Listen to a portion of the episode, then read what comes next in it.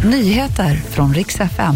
Mm, bankkraschen i USA fortsätter att slå hårt mot svenska pensionsjätten Alecta. Och festivalen Summerburst, nu tvingas de att ställa in. Mm, ingen vidare dag för svenska pensionsjätten Alecta. På bara ett par timmar förlorade Alecta 12 miljarder på sina satsningar i amerikanska bankerna. Och nu när börsen öppnat så rasade även bank banken First Republic med 65 procent.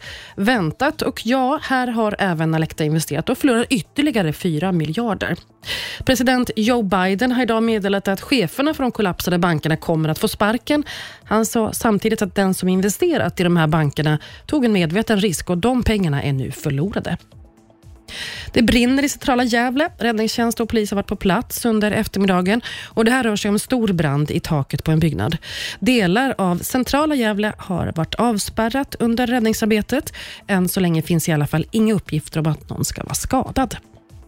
Så ska festivalen Summerburst de ställer nämligen in.